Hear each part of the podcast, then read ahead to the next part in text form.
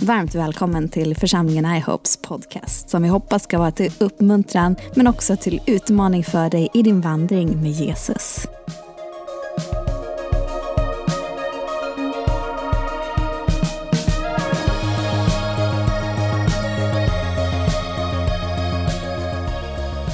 Ja, det är en glädje för Irene och mig att vara med er i gemenskapen här ikväll. Det är en glädje för oss att tillsammans få lovprisa Herren. För vi är på vandring hemåt mot vårt löftesland. Vi är Guds barn. Jag kommer vittna om det lite grann här ikväll. Så tack så hjärtligt för att vi får vara med. Först lite personligt vittnesbörd från Irene och mig. Och det gäller givandet till Herren. För att eh, när jag var grabb, jag fick mitt första arbete som springpojke i en speceriaffär, så tjänade jag 25 kronor i veckan. Jag är uppväxt i en eh, troende familj. Och eh, jag vet min far, han gav Gud tionde. Mamma hon var hemma och skötte om familjen och hushållet. Så det var enda inkomsten vi hade, så var det min far tjänade ihop. Men det var väldigt viktigt att Herren skulle ha det Herren skulle ha.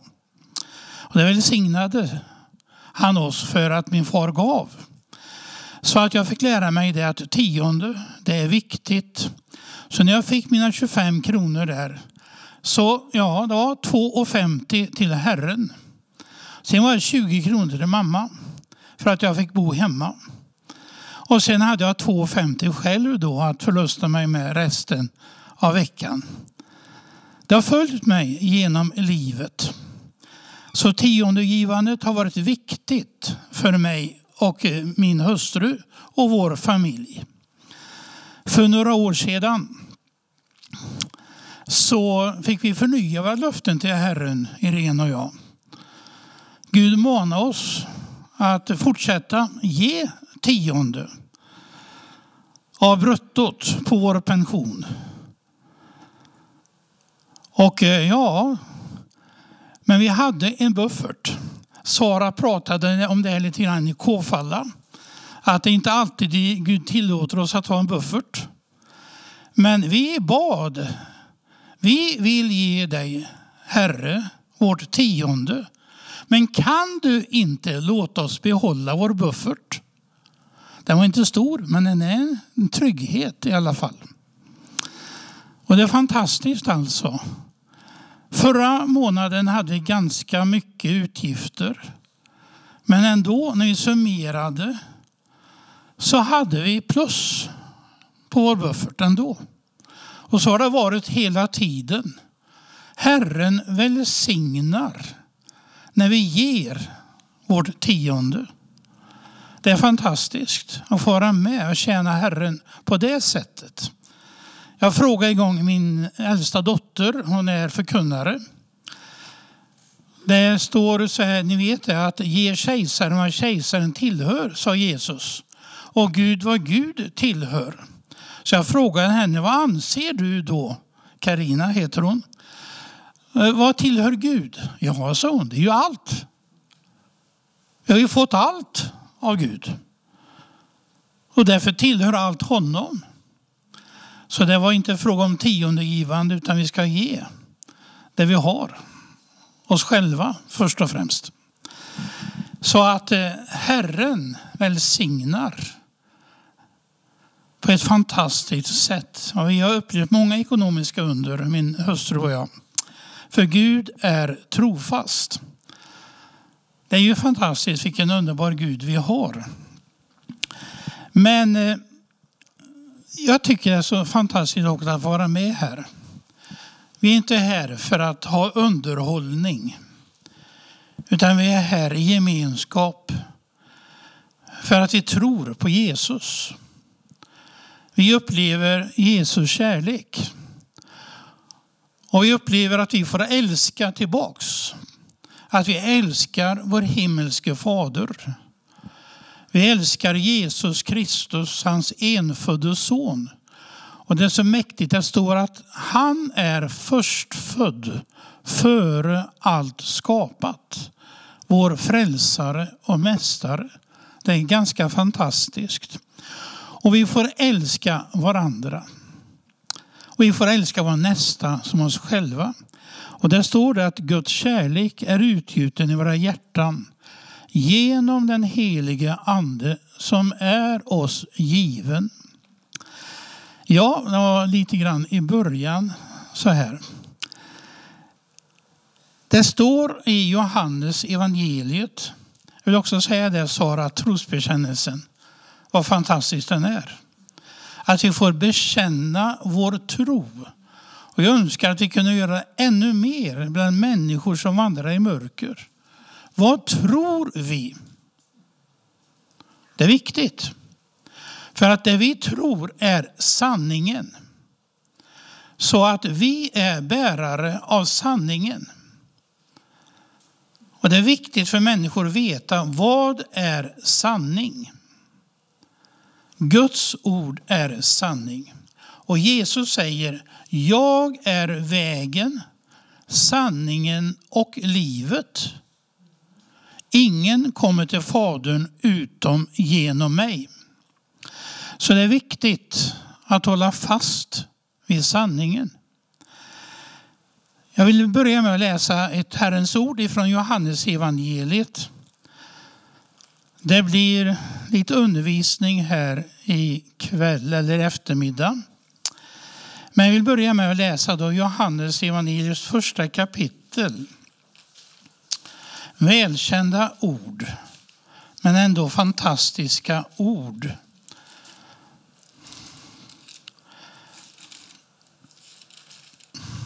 I begynnelsen var ordet. Och ordet var hos Gud.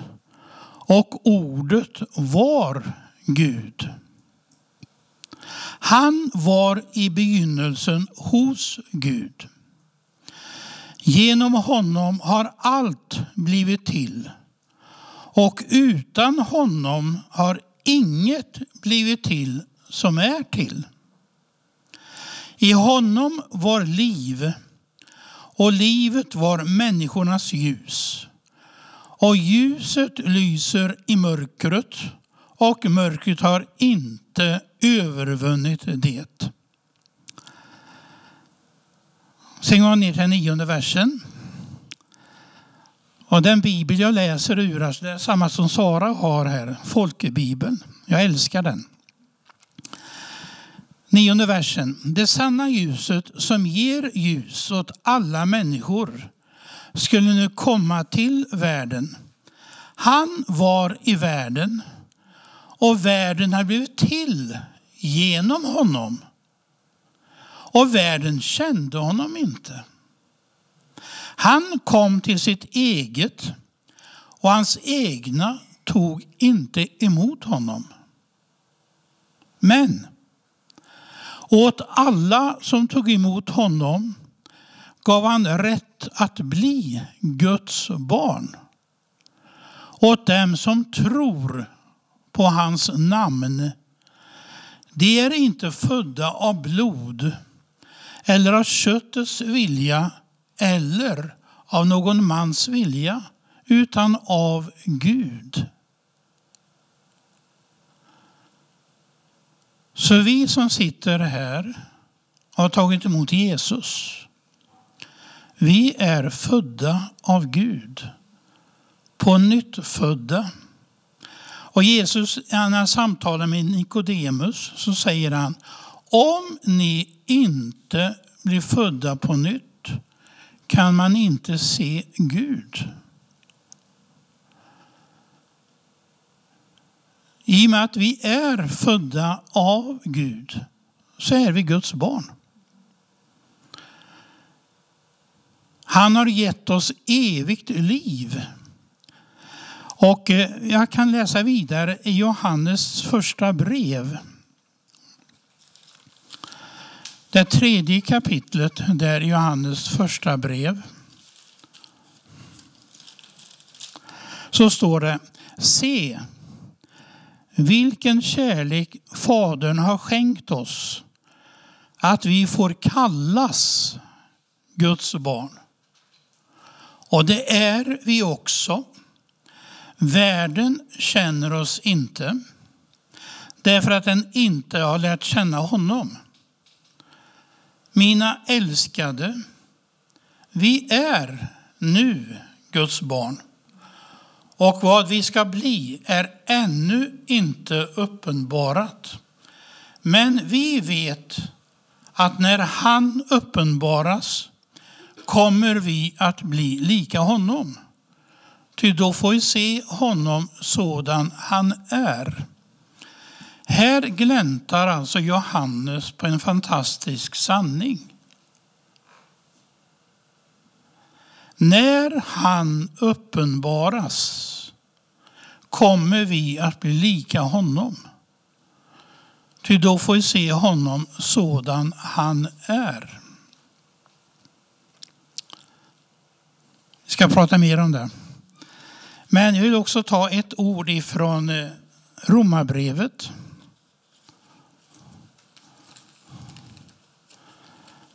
Det åttonde kapitlet. Så står det. Ty alla som drivs av Guds ande är Guds söner eller Guds barn. Ni har inte fått staveriets ande så att ni på nytt skulle leva i fruktan. Nej, ni har fått barnaskapets ande i vilken vi ropar Abba, Fader. Anden själv vittnar med vår ande att vi är Guds barn. Men är vi barn är vi också arvingar. Guds arvingar och Kristi medarvingar. Lika visst som vi lider med honom för att också bli förhärligad med honom. Guds arvingar. Vi är Guds barn. Men vi är också Guds arvingar. Kristi medarvingar. Jag tycker det är fantastiskt att vi som sitter här, vi har ett arv som väntar på oss.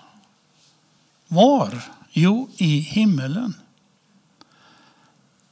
Alltså det, det är så fantastiskt så att, ja, man skulle kunna hoppa jättehögt av glädje för att det här är sant. Om vi nu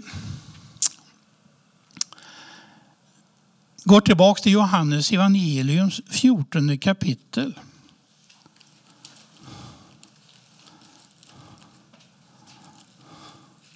Jag bläddrar lite grann för att inte så här många fusklappar för att lätt ska hitta, men det ordnar sig.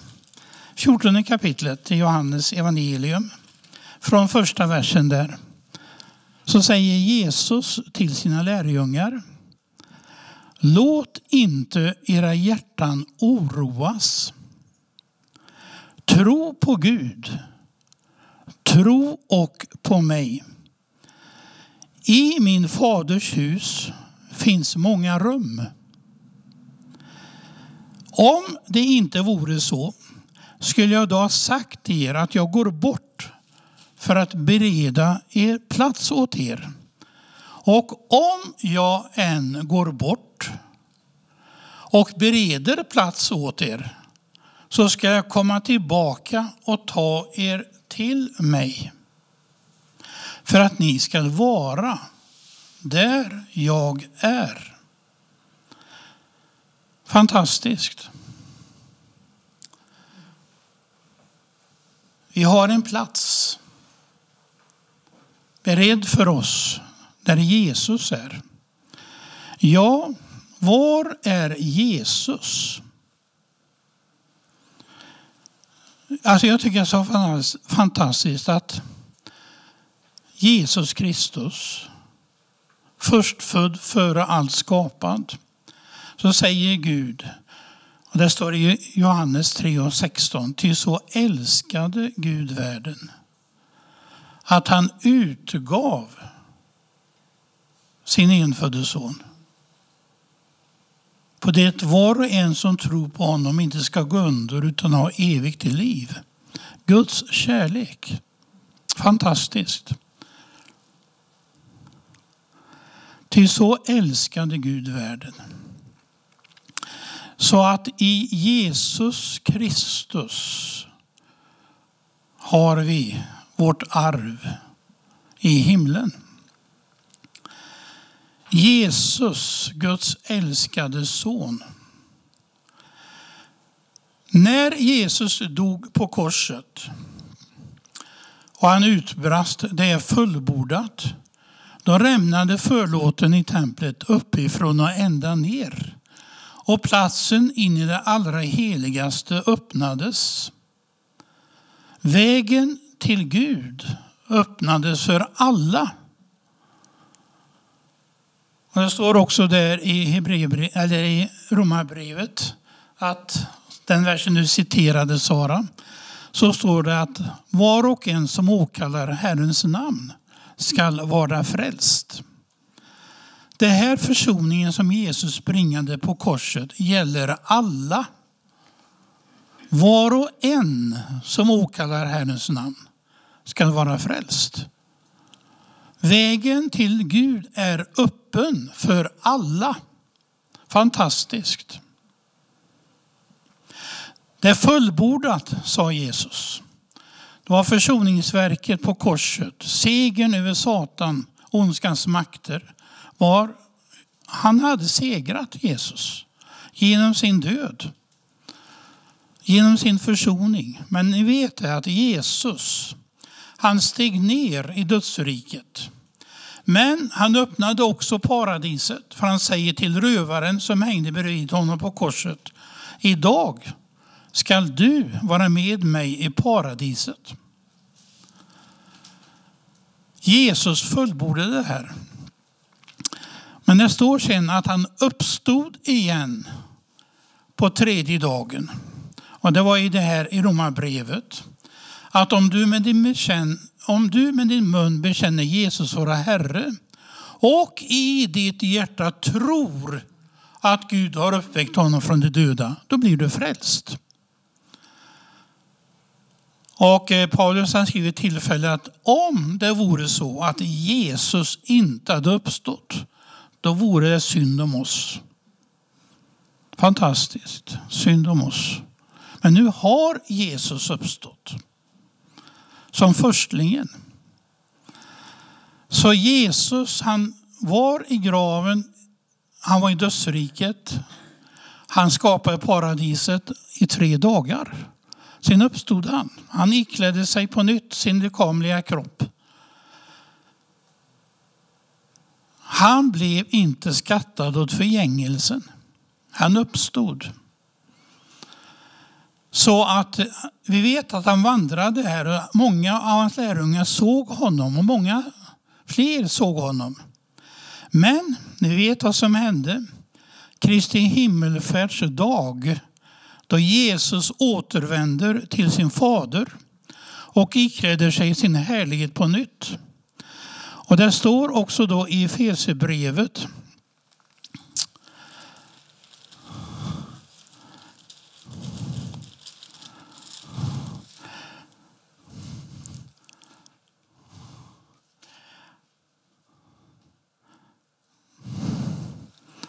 Ja, det står att Jesus har fullbordat allt. Han har återvänt till sin fader i himlen och han sitter på faderns högra sida. Om han har gått för oss. Och I trosbekännelsen här så har vi ju det. Men det står också igenkommande. Så Jesus, han sa till lärjungarna där i Johannes 14 kapitlet. Om jag än går bort för att bereda er rum ska jag komma tillbaks och ta er till mig. Det är ett löfte. Har det skett? Nej, vi sitter här och nu. Jesus har inte hämtat oss hem till vår arvedel i Guds rike. Men det kommer att ske. För i, om man läser i Matteus evangeliums 24 kapitel är det. Så frågar människorna, eller lärjungarna, frågar Jesus. De hade hört det här ordet. Jesus sa att om jag än går bort ska jag komma tillbaks och ta er till mig. Det var ett löfte till lärjungarna. Och eh, då här ifrån första versen kan vi läsa i, Johan, i Matteus 24.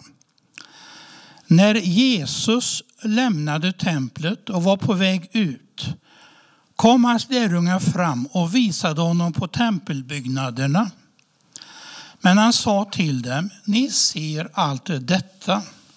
Amen säger jag er. Här skall inte lämnas platt sten på sten, allt ska brytas ner.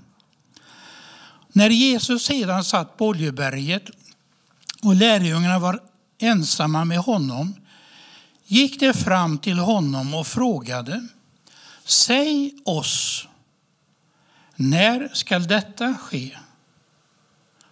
Och vad blir tecknet på din återkomst och den här tidsålderns slut? Tre frågor som Jesus fick av lärjungarna. När ska detta ske? Det syftar då på templets nedbrytande. Sen var de också intresserade av att veta vad blir tecknet på din återkomst? För de hade ett löfte. Jag ska komma tillbaks och ta er till mig. Och sen också den sista frågan. Tidsålderns slut. Tiden kommer att en dag ta slut. Vi går in i evigheten allesammans. Den här frågan, vad blir tecknet på din återkomst? Besvarar Jesus egentligen då i den 20, i 32, nej 37 versen är det, i 24 kapitlet. Då säger Jesus så här. Ty som det var i Noas dagar så skall det ske vara vid Människosonens återkomst. Som människorna levde dagarna före floden, de åt och drack, gifte sig och blev bortgifta ända till den dag då Noa gick in i arken. Och de visste ingenting förrän floden kom och ryckte bort dem alla. Så skall Människosonens ankomst vara. Då skall två män vara ute på åkern. Den ene skall tas med, den andra lämnas kvar. Två kvinnor skall mala på en handkvarn. Den ena skall tas med, den andra lämnas kvar. Var därför vaksamma, ty ni vet inte vilken dag er Herre kommer. I 1917 års översättning så står det att en rycktes upp och en lämnades kvar. Här står det att en ska tas med, men det står att en ska ryckas upp och en lämnas kvar. Uppryckandet till Jesus. När Jesus hämtar det som har tagit emot honom. Det kommer snart. För att eh, det står väldigt mycket i Guds ord. Alltså, Guds ord är fantastiskt och jag är så glad över att jag får tro på det av hela mitt hjärta. Jag brukar proklamera och säga att som det står skrivet har det skett. Som det står skrivet sker det. Och som det står skrivet kommer det att ske. Guds ord är sanningen.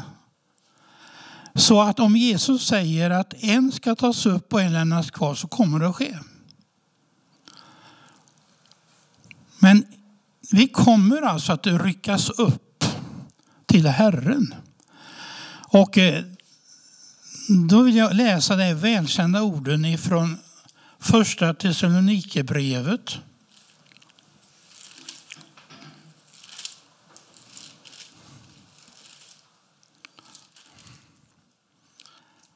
Där det står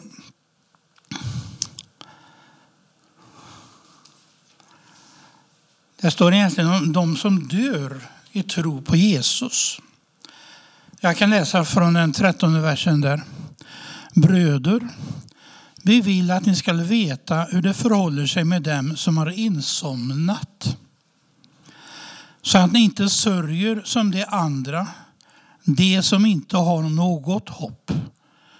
Eftersom vi tror att Jesus har dött och uppstått så tror vi också att Gud skall föra fram dem som insomnat i Jesus tillsammans med honom. Vi säger i detta enligt ett ord från Herren. Vi som lever och är kvar till Herrens ankomst skall alls inte komma före de insomnade.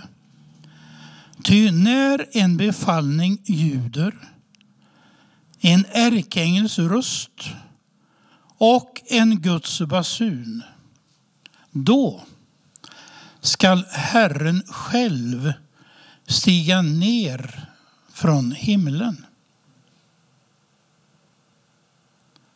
Då lämnar Jesus platsen på Faderns högra sida. Så stiger han ner hit. Men han ställer inte sina fötter på jorden. För vad står det vidare? Och först skall de som dött i Kristus Jesus uppstå. De lämnar alltså paradiset. Det avfolkas, det har gjort sitt. Först skall de som dött i Kristus Jesus uppstå. Därefter skall vi som lever och är kvar ryckas upp bland moln tillsammans med dem för att möta Herren i rymden.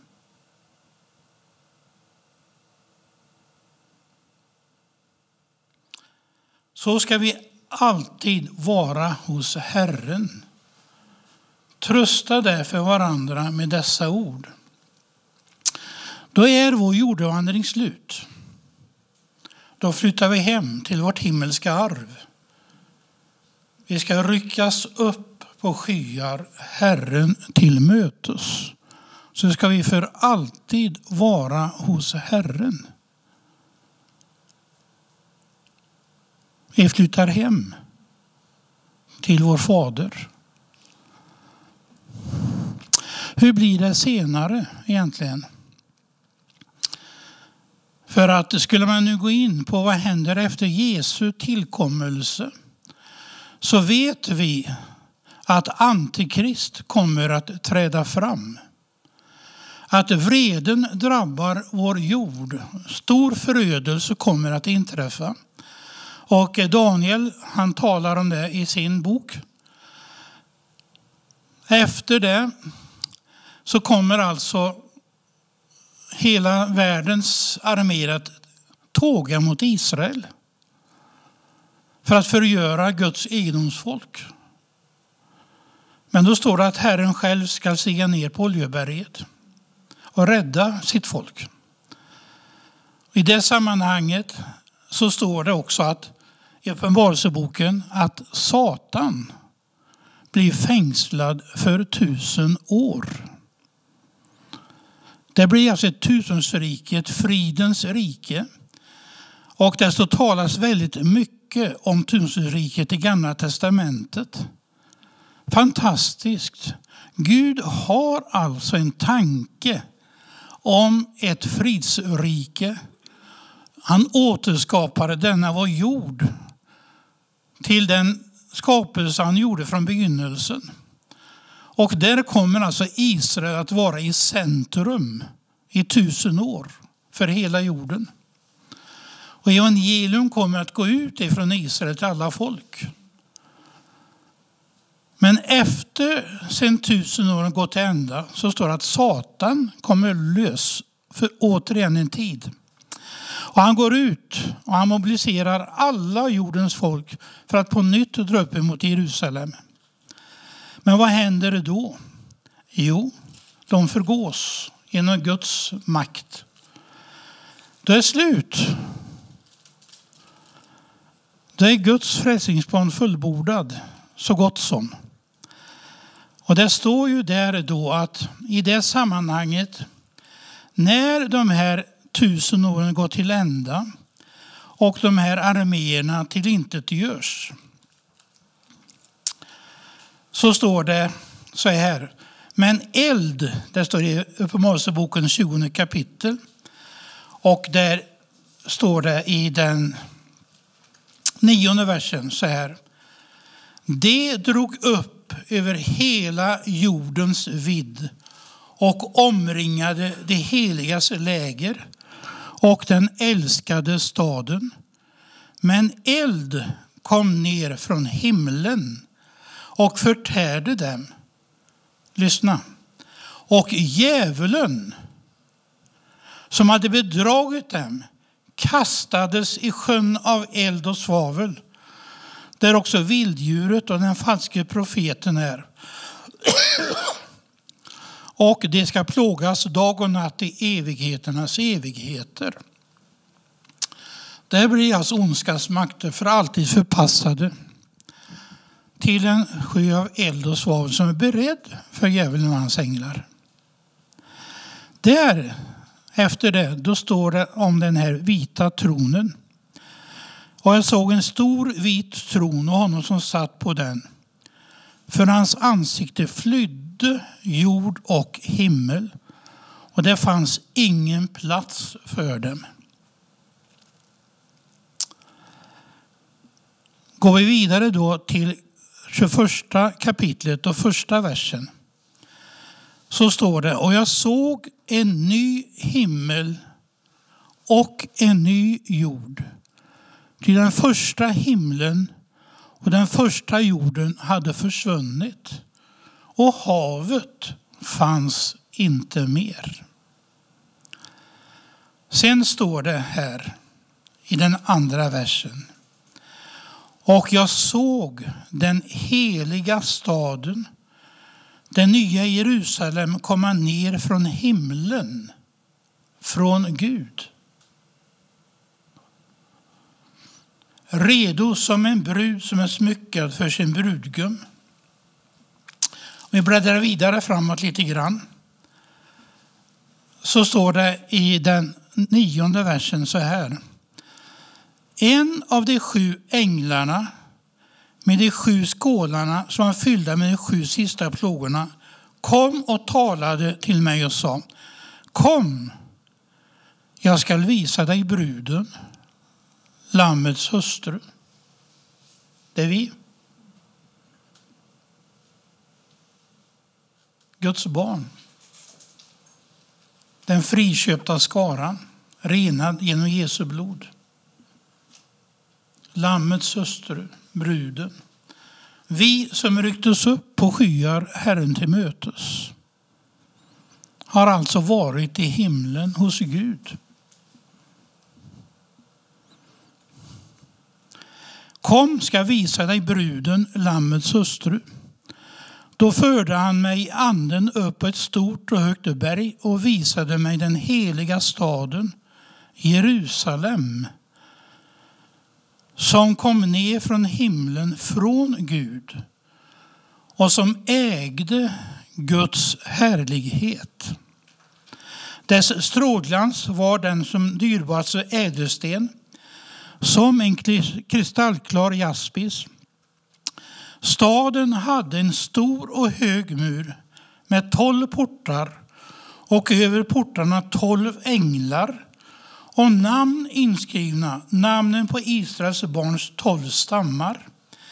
I öster fanns tre portar, i norr tre portar, i söder tre portar och i väster tre portar. Stadsmuren hade tolv grundstenar och på dem stod tolv namn, namnen på Lammets tolv apostlar. Det är ju så att församlingen, Jesu Kristi brud, Guds barn, har blivit frälsta genom Israel. För Jesus kom genom Israel. Gud har förberett ett folk, en nation, ett land för att göra det möjligt för sin älskade son att komma hit och bringa försoning. Det är genom Israel som vi har fått tillträde till nåden. Men vi vet att vi också grundade på de tolv apostlarnas förkunnelse. De förmedlar vad Jesus sa och lärde. Så att församlingen, alltså vi som sitter här, vi borde stå upp och skratta av glädje för att det är så fantastiskt det som väntar oss. Av nåd är jag frälst. En Guds gåva är det, men det är fantastiskt. Aposteln säger ibland den här tidens lidande betyder föga emot det som väntar. Vi har en fantastisk framtid. Men det är ju som Jesus säger där att en ska ryckas upp och en ska lämnas kvar. Sen talar han också om de tio jungfrurna som gick ut för att möta brudgummen. Fem var förståndiga och fem oförståndiga. De förståndiga tog väl sina lampor tillika med olja. Men de oförståndiga tog ingen olja med sig. Sen kom brudgummen och de som var redo gick in med honom till bröllopssalen. Och dörren stängdes igen. Det talar om alltså att när vi har flyttat hem till härligheten som brudeskaran, som Guds barn, då finns det ingen möjlighet att bli med i den skaran. Men det finns frälsning för andra. Men de kommer inte vara med i den skaran. Det är intressant att läsa Uppenbarelseboken om martyrerna som gav sitt liv i sin tro på Jesus. Och det gjorde de efter Jesu tillkommelse, men jag ska inte predika om det nu. Men det som är så fantastiskt är att vi får vara med. Det står på ett ställe att, jag tror det är Romarbrevet faktiskt,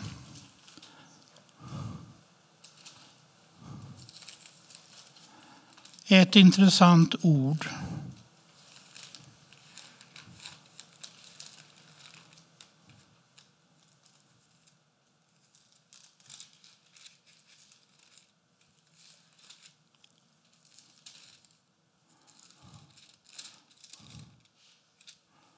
När jag bläddrade i Korinthierbrevet, det var fel där.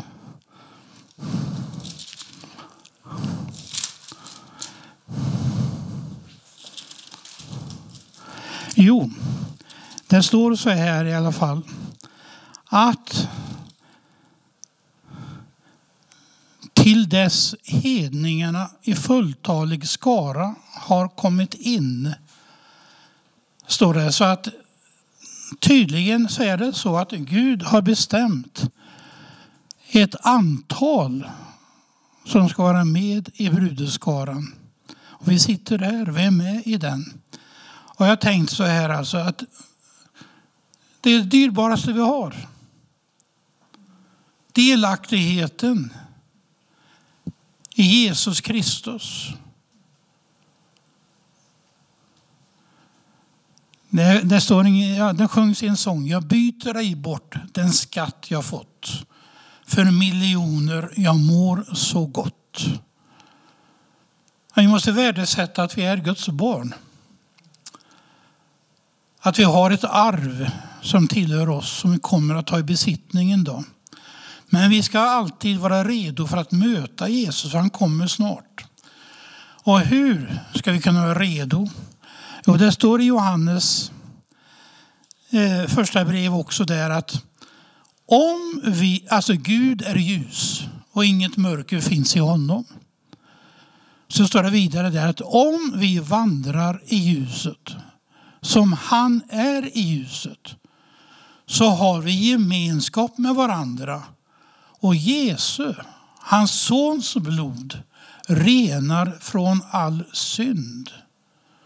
Det är alltså en pågående process. När vi lever nära Jesus, när vi vandrar i ljuset, då har inte synden någon makt över oss. Då älskar vi varandra, vi älskar Jesus. Och vi väntar med glädje på att Jesus ska komma. Men vi har ett uppdrag. Det är att förkunna evangelium. För att Jesus säger vid tillfälle till lärjungarna Medan dagen varar måste jag, eller han säger måste vi, säger han. Medan dagen varar måste vi göra hans gärningar som har sänt mig. Till natten kommer det ingen kan verka. Vi lever i hoppet att Jesus snart kommer. Men vi vill att så många som möjligt ska komma till insikt om sanningen. För det står det att Gud vill att ingen ska förlorad utan att alla ska komma till insikt om sanningen. Men det är en val, vi har valfrihet. Vi har fått en fri vilja. Människan var och en väljer den väg hon ska vandra på. Men det är viktigt att vi lyfter fram vad ordet säger. För det är som eh, Sara också citerade här i början.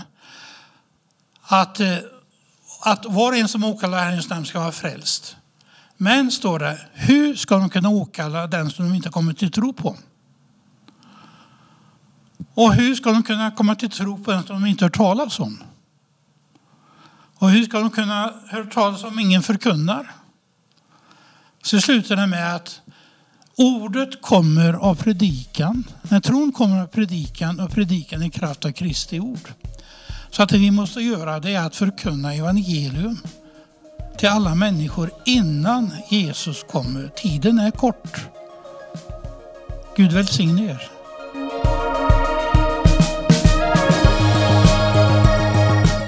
Vill du veta mer om församlingen IHOP eller ta del av våra gudstjänsttider så besök vår hemsida www.ihop.pro.